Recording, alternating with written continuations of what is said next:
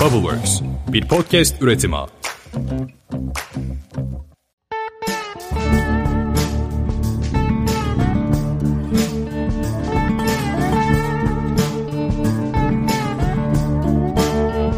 Merhabalar, Bir Çift Üzüm'ün 5. bölümüyle karşınızdayız. Ben Emre. Merhabalar ben de Gözde. Bugün sizlere hangi konulardan bahsedeceğiz dersek çok eğlenceli konular var. Eğer ki siz de şarap aldığınızda şarabı içmekten çok arkadaşlarınıza hava atmayı tercih ediyorsanız bu bölümü asla kaçırmayın deriz. Bugün havalı şarap terimlerinden bahsedeceğiz ve üzüm çeşitlerinden. Bugünkü konuğumuz ise geçen bölümde bahsettiğimiz öküz gözünün çok yakından kardeşi Boğazkere. Evet. Şimdi aslında bizim de en çok hoşlandığımız şeylerden bir tanesi şarap içerken tabii yanımızdaki kişilere bir şeyler göstermek, bir şeyler öğretmek. Bunun işte bir üst aşaması da hava atmak oluyor aslında. Bugünkü programda çok güzel hava atabileceğimiz kelimeler var. Kendinizi belki bu programı dinlerken hani bir barda veya bir arkadaş ortamında hayal edebilirsiniz. Hem böylelikle de aklınızda bir provada almış olursunuz. Geçen hafta zaten yani daha doğrusu geçen bölümde sizlere hangi ortamlarda ne tarz şaraplar içeceğinizi söylemiştik. Şimdi de hangi terimleri hangi ortamlarda kullanacağınıza bence siz karar verebilirsiniz. Kesinlikle her ortamda işe yarayacağının garantisini veriyoruz değil mi? Kesinlikle.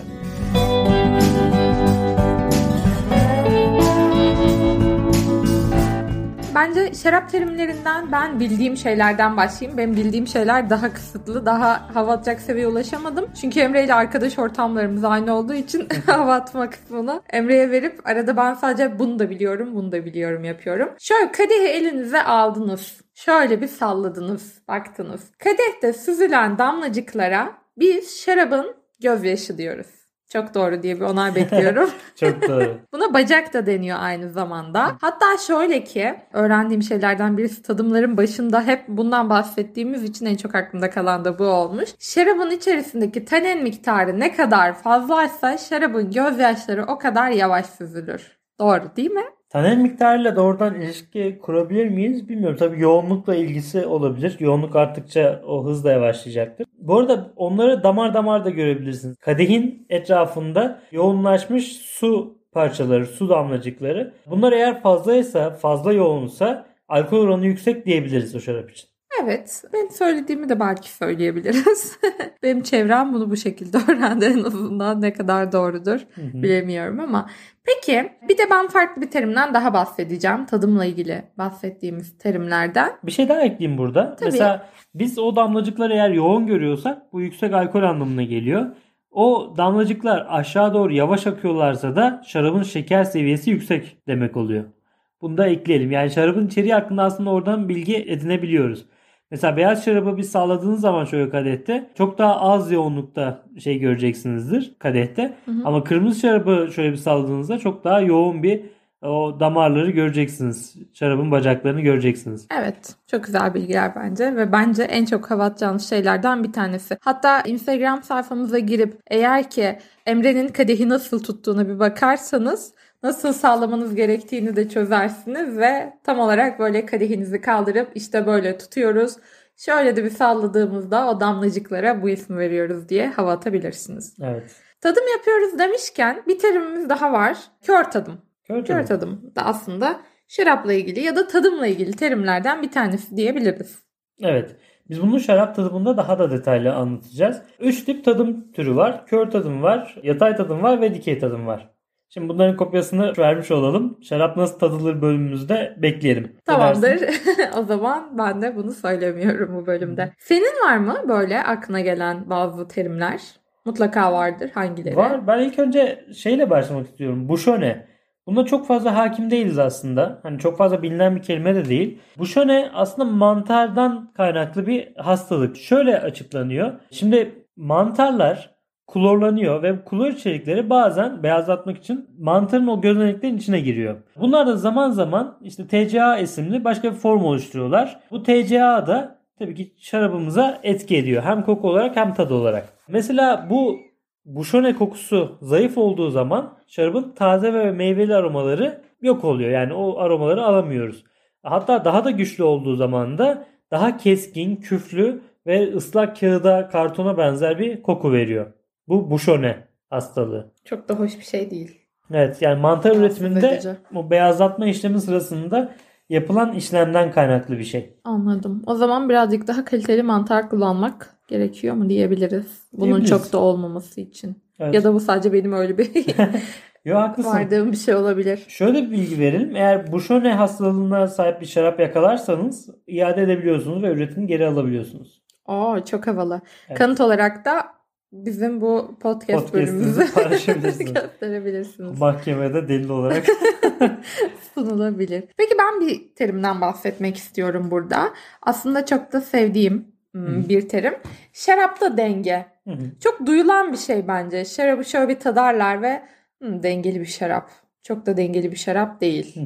Ya da duyulmayan bir terimdir ama bence çok fazlasıyla duyduğumuz bir terim olduğunu düşünüyorum. Denge ne demek? Denge şu demek şarapta. Şeker, asidite bunların hepsi aynı oranda dengeli. Yani biri diğerinin önüne geçmiyorsa o şarabın biz dengeli bir şarap olduğunu söyleyebiliriz. Değil mi? Evet. Şimdi şarabı yani üç temel şeye ayırırsak, basite indirirsek, üç temel içeriğe ayırırsak şeker, alkol ve asitlik var içinde. hı. Eğer şeker önde olursa bir şarapta daha çok böyle likör içiyormuş gibi oluyoruz. Ve bir süre sonra bayıyor. Asitlik önde olursa bir süre sonra ağzımız sulanmaya başlıyor ve doğru düzgün tat alamıyor biliyoruz. Ve alkol önde olursa da arka damağımız yanmaya başlıyor. İspirto kokusu duyuyoruz ve yine maksimum tadı almamızı engelliyor bu. O yüzden bu üç ana tadın da dengede olması önemli. Aslında kaliteli şarapları bir yerde kaliteli yapan şeylerden bir tanesi de bu. Dengeli bir şarap olması. Bu anlamda bu üçünün bir arada olması gerekiyor. Yani dengeli olması gerekiyor. Peki bu dengeli şarap üretmek gerçekten zor. Biz kayacı karısından yaptığımız şarapları şu anda dengeli diyebilir miyiz? Zor açıkçası. Çünkü biraz daha belki hafif daha tatlılık önde olabilir. Biraz daha alkol önde olabilir. Peki nasıl dengeli şarap üretiyor firmalar? Öncelikle tek üzümden dengeli üretmek gerçekten zahmetli bir iş. Onun yerine ne yapıyorlar firmalar? Ağır bir üzümü alıyorlar. Yanına hafif bir üzüm koyuyorlar. Birleştiriyorlar ve o ağır ve hafif üzümün tatları birleşince dengeli bir tat sunuyor size. Hafif üzüm dediğimiz öküz gözü. Geçen haftaki mesela. Ağır üzüm dediğimizde bu hafta konuşacağımız boğaz kere. Boğaz kerenin o ağır tadıyla öküz gözünün hafif yapısı birleştiği zaman daha dengeli bir şarap ortaya çıkıyor. Peki hazır buraya gelmişken şeyden de bahsedelim. Tek şaraptan yaptığımız, tek üzümden yaptığımız şaraplara biz monosepaj diyoruz. İki veya daha fazla üzümden yaptığımız şaraplara da kupaj diyoruz. Peki üzümler eşit oranda kullanılmak zorunda mı? Bunu Yok. diyebilmemiz için. İki Yok. tane kullanılması yeterli. İki veya daha fazla Daha kullanırsa kupaj olur. Anladım. Peki hangilerini daha çok seviyorsun? Yani böyle mesela sadece bir öküz gözü içmeyi mi? Yoksa öküz gözü boğaz kereği mi? Ben tek üzümü daha çok seviyorum. Kayacık karısın veya misketi. Çünkü o benim için daha özel oluyor. Öbür türlü karışım olduğu zaman ikisinden de belli başlı özellikleri kayboluyor.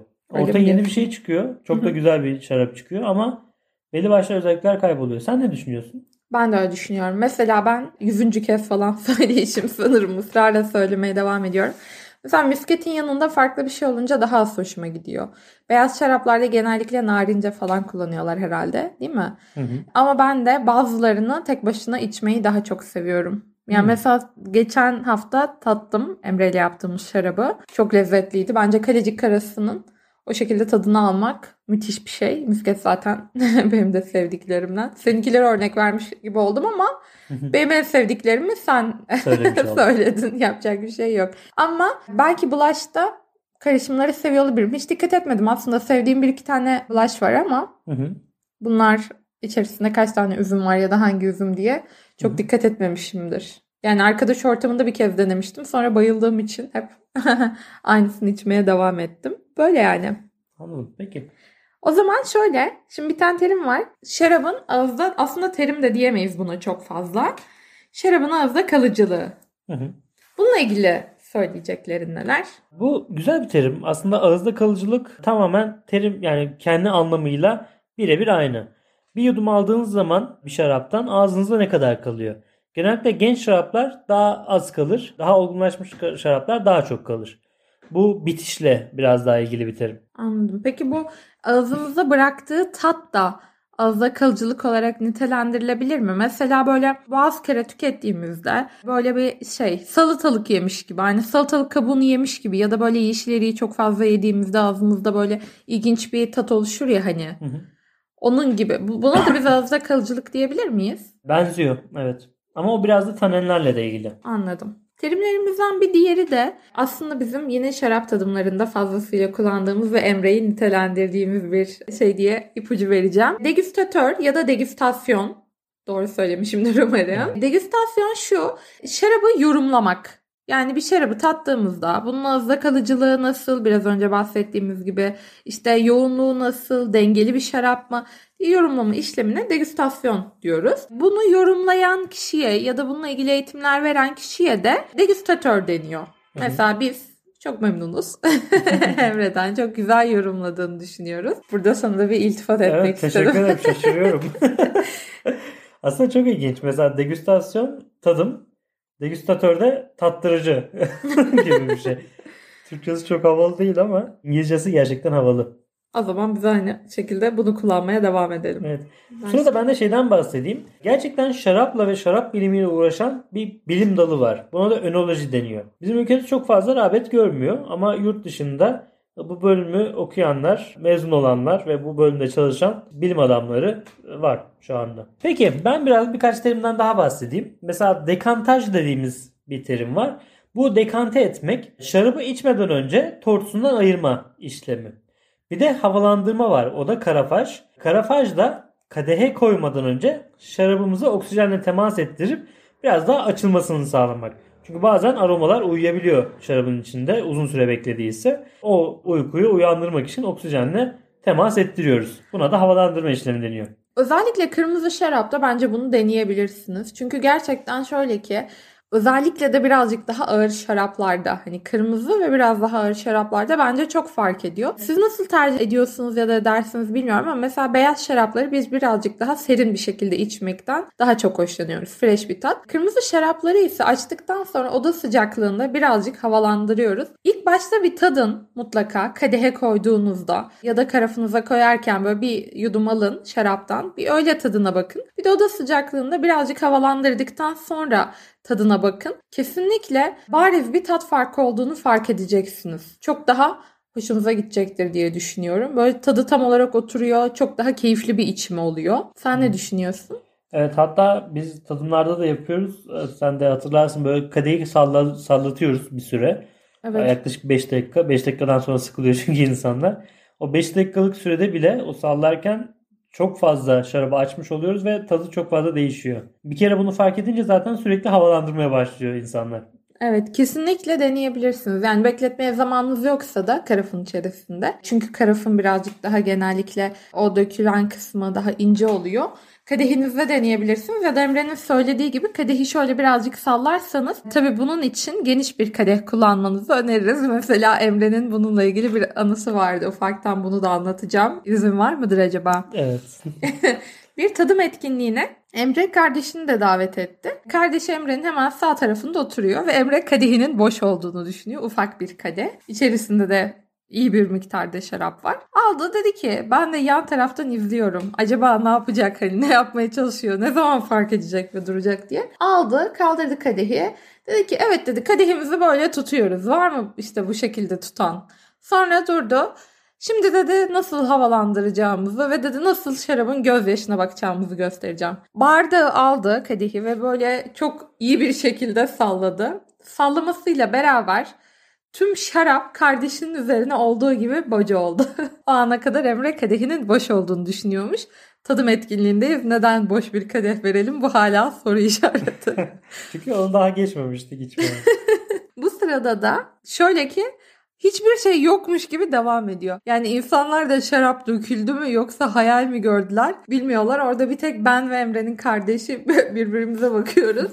ve bütün yemekli bir tadım yapıyorduk pizzalarla beraber. Tüm ustalar gülmekten kırıldığı için pizzalar da gecikti. Böyle bir anımız olmuştu. Yani havalandırın. Şöyle hafif bir sağlayıp havalandırabilirsiniz ama öncelikle kadehinizin boş mu dolu mu olduğundan sonra da yakın mesafede birilerinin olup olmadığından emin olmanızı tavsiye ediyorum ben size. Evet. Neyse ki şarap yabancıya gitmedi. Kardeşime üzerine döküldü. Ya evet yani bilmiyorum bu tadım etkinliği sırasında hani ilk önce anlatıyoruz sonra tadıyoruz ya. Henüz doğmadı diye anımsamışım nedense. Böyle bir sallamışlığımız var. şarabı. İyi ki şey olmadı. Nedir onun adı? Herkes seninle aynı şekilde sallayıp böyle bir şarap savaşları başlatılmadı. Evet. Bununla ilgili de bir yakınımız eğlenceli bir şey anlatacağım. Bir anısını anlatmıştı hatırlar mısın bilmiyorum. İzmir'den tanıdığımız birisi. Bir yere gitmiş alkollü bir yer. Rakı içecekler artık diyor hani daha fazla içmemeliydim kendi sınırımı biliyorum. Ama diyor sürekli diyor iç diye de ısrar ediyorlar. Kırmak da istemiyorum insanları. Neyse koydular diyor. Kadehimi diyor şey rakıymış onun içtiği şey. Yere diyor döktüm diyor. Sonra diyor işte herkes diyor hani görmediklerini düşündüm ama diyor gördüler. Sonra işte birinin anısına gibi bir şey demiş. Biz böyle yaparız gibi bir şey hatırlıyor musun Hmm. bilmiyorum ve herkes almış onlarca bardak rakı kaldırıp Artık kimin anısına gittiyse. ya da ne kadar içtilerse Evet. yani bu tarz şeyler de olabiliyor. Güzel Yalnız böyle durumlarda zaten çaktırmamak lazım. Benim Tabii. tadımda yaptığım gibi. Biz o tadımı çok sıkıntısız anlatmıştık sonrasında. evet yani, Yani kardeşi kardeşim için. de. Peki başka nelerden bahsedeceksin? Ben bir de gövdeden bahsetmek istiyorum. Şarapta gövde önemli bir konu aslında. Şimdi şarapta yine bir yudum aldıktan sonra ağzımızı ne kadar dolduruyor, nasıl bir tat, nasıl bir ağırlık bırakıyor biz buna gövde diyoruz. Bu gövde alkolünden, tanininden, şekerinden ve o tat profilinden hepsinden etkileniyor.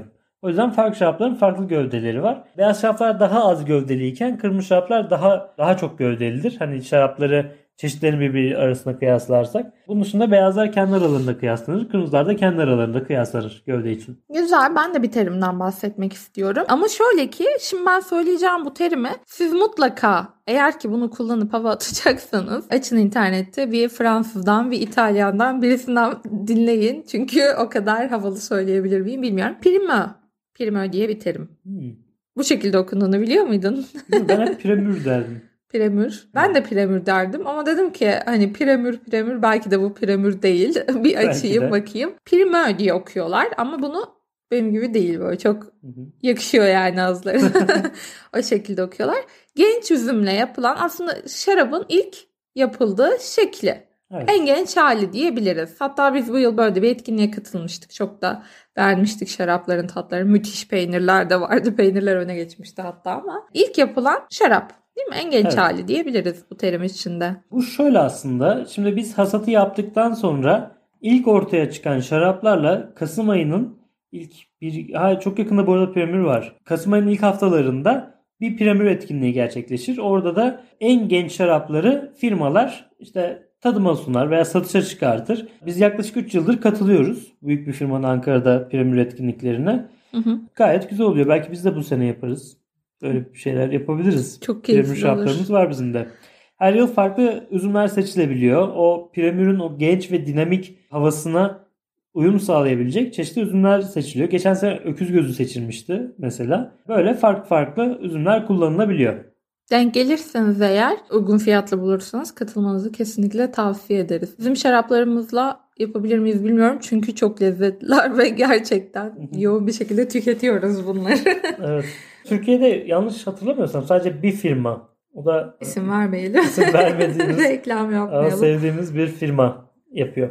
Evet. Bizim de etkinliklere katıldığımız. çok da güzel oluyor kesinlikle değil mi? Evet. Hem de çok güzel sosyalleşebildiğimiz bir ortam bence. Her ne kadar geçen yıl yaş ortalamasını bayağı düşürsek de ve giyindiğimiz kıyafetlerle biraz doğru yere mi geldik acaba diye düşünsek Bence de. hani yaş ortalaması hesaplayan birisi o ortamda bizi neklet ederdi. Yani bizi saymazdı. Bunlar istisna diye.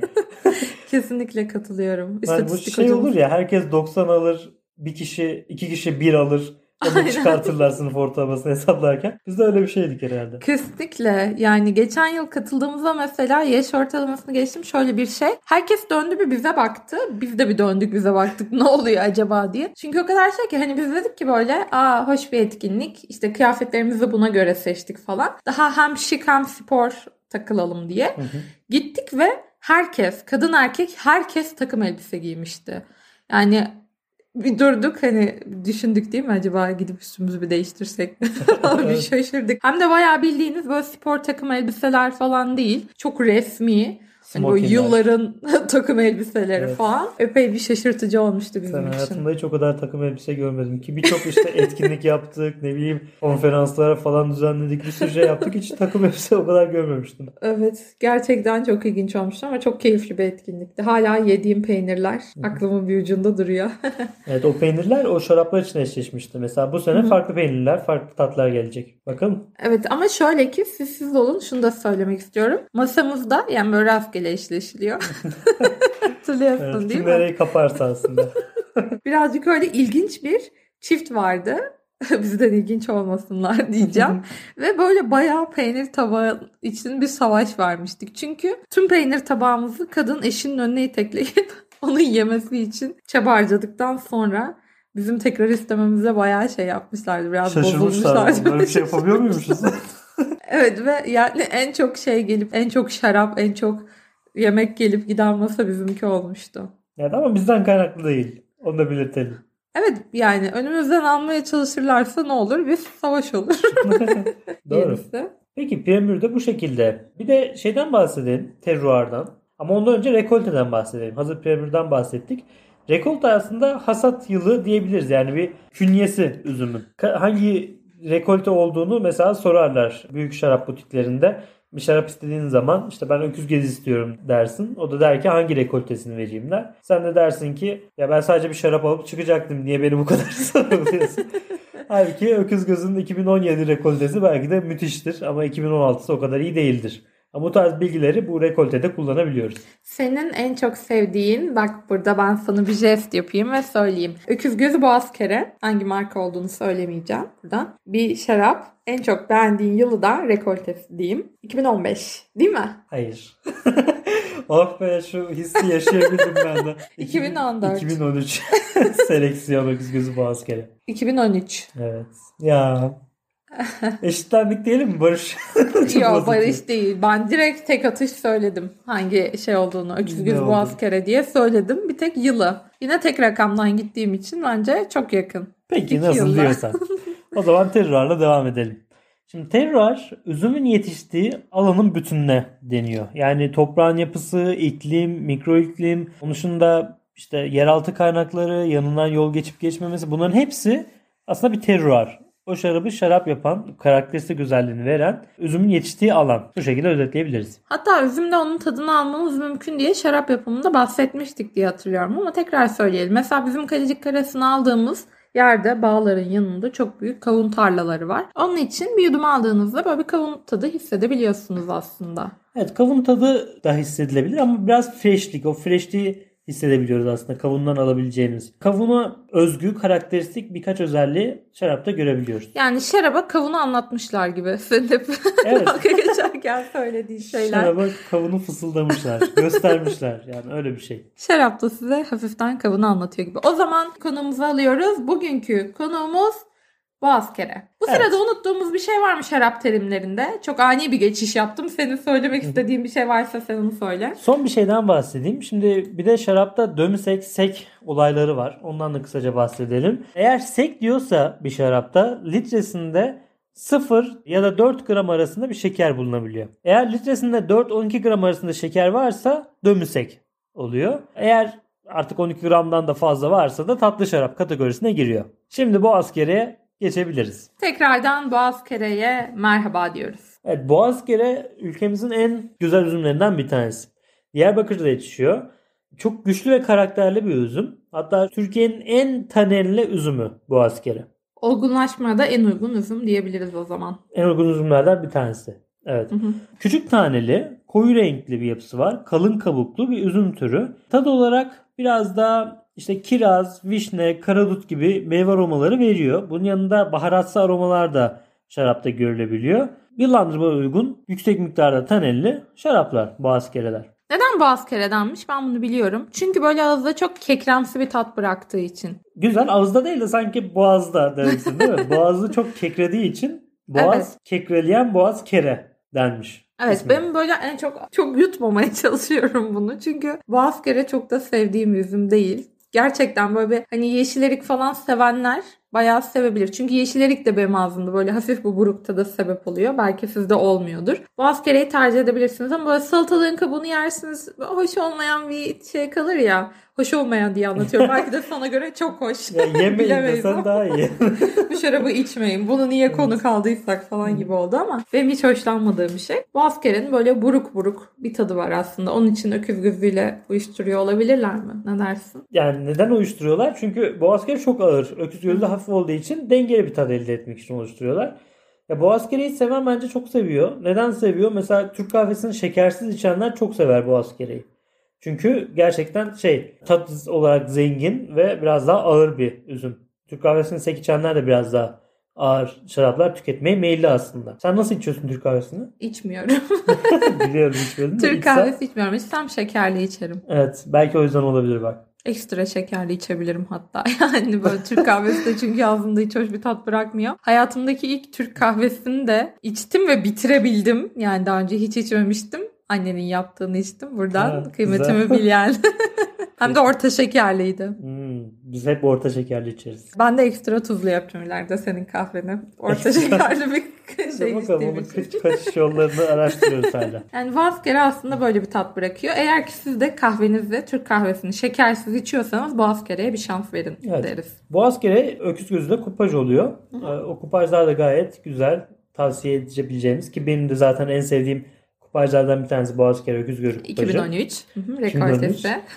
Bu anlamda bunları da tavsiye ederiz. Evet. Peki Boğazkere böyle aslında birazcık kendi havasıyla ve ağırlığıyla çok da üstüne konuşmaya gerek olmayan bir üzüm gibi oldu. Kendini anlatıyor, değil Aynen mi? öyle. Diyarbakır'da yetişiyor demiştik zaten en çok. Bununla ilgili söyleyeceklerimiz de bu kadar. Var mıdır peki senin eklemek istediğin herhangi bir şey? Benim de ekleyeceğim bir şey yok. O zaman gelecek haftaki eğlenceli konumuzda görüşmek üzere diyelim. Evet tekrardan hatırlatıyoruz. Merak ettiğiniz bir şey olursa mutlaka bize ulaşmanın bir yolunu bulabilirsiniz. Instagram sayfamızdan da yazabilirsiniz. Büyük keyif alırız cevaplamaktan. Tekrardan görüşmek üzere. Görüşmek üzere.